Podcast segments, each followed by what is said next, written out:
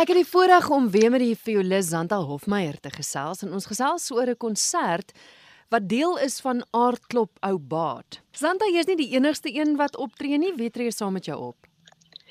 Um, in hierdie konserte uh, gee Aardklop Obaat ook geleentheid aan 'n jong kunstenaar om te kan optree en by ons konsert gaan dit Henry van Rooyen wees. Hy is 'n klarinetspeler van Afrikaans Hoërseunskool en hy word begelei deur Jannie Leroux.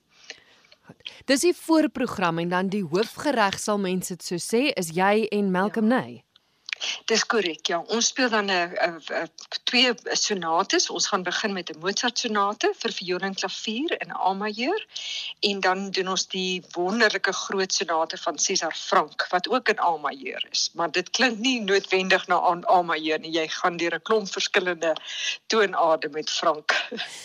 Vertel my bietjie meer van die werk want hy het vier bewegings, né? Nou. Dis korrek. Weet jy dit word beskou as seker een van die belangrikste werke in die viool en klavier repertorium.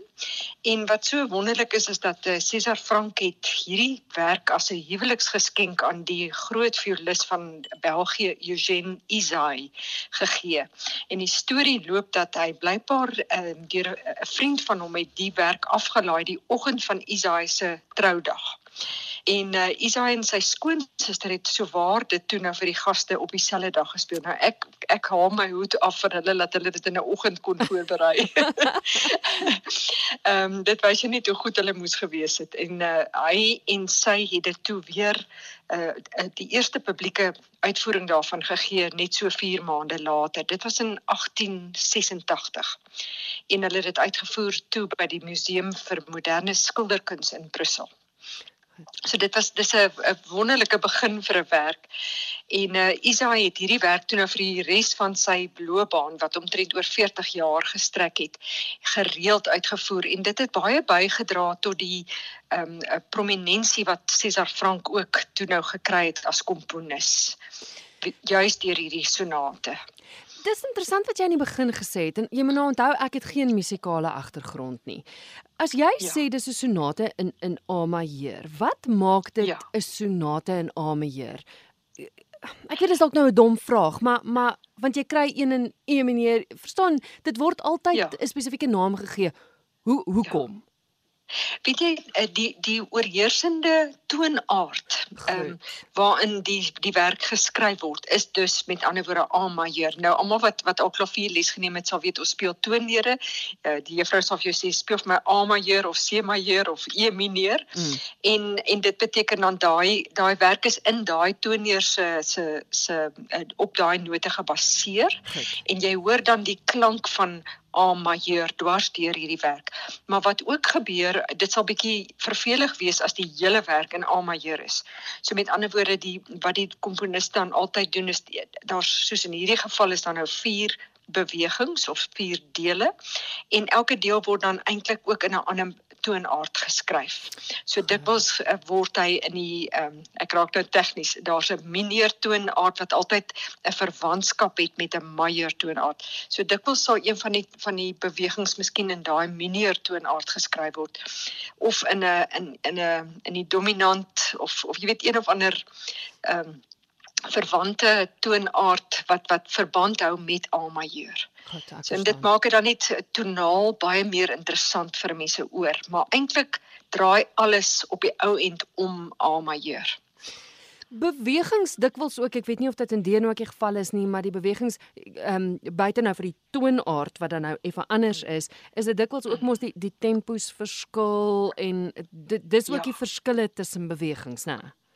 Absoluut. Nou wat wat wonderlik is van hierdie werk en wat wat ek is absoluut mal oor die Frank. Ek moet vir jou sê dit dit is een van my geliefkoeste werke. Ek as ek nou ek nou nie spog nie, maar toe ek nou in Carnegie Recital gespeel het, was dit een van die werke wat ek gespeel het ja. vir my debuut uh, konsert in New York.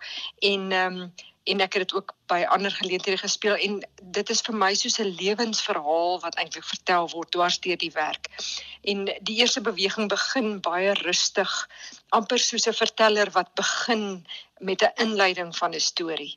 En dan die volgende be beweging wat ons nou dit noem is dan stormagtig. Dit is amper soos die die uh, verskriklike goed wat alles met mense in hulle lewens kan gebeur met pragtige liriese dele in die middel. So jy weet dis dis mos maar net hoe die lewe is, né? Nee. Mm.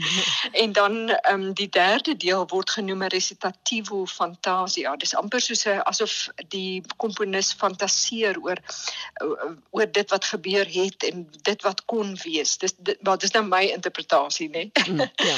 maar ehm um, jy weet dis dis soos mymeringe oor alles wat tot nou toe gesê word in die werk. En dan die laaste deel is dan skielik is amper asof die wolke bietjie verdwyn en die sonstrale deurbreek. En dit is 'n vreeslike mooi tema wat dan begin in die laaste deel. En dis asof dit so skoon, suiwer klank het wat wat glad nie meer al die komplikasies en gekompliseerdheid van die vorige bewegings dra nie. Dit is amper asof daar 'n berusting is. Nou nou moet mense maar gaan luister na die werk wat ek jy weet mense kan aanhou praat, maar uiteindelik moet jy daarna luister. Ja, ja. Ehm um, maar ek voel altyd asof ek deur 'n lewe geloop het as ek die werk gespeel het. Ja, dis wonderlik. Uh, dis vreeslik bevredigend vir ons. Ja. Nou vertel vir my ja. en die luisteraars wanneer hulle hierna kan gaan luister. Ehm um, dit gaan nou wees op die 10de April. Dis 'n Sondagoggend en die konsert begin 11 uur. Ek net seker maak van my uh, feite. 11 uur by die Afrikaanse uh, Hoërseunskool in Pretoria.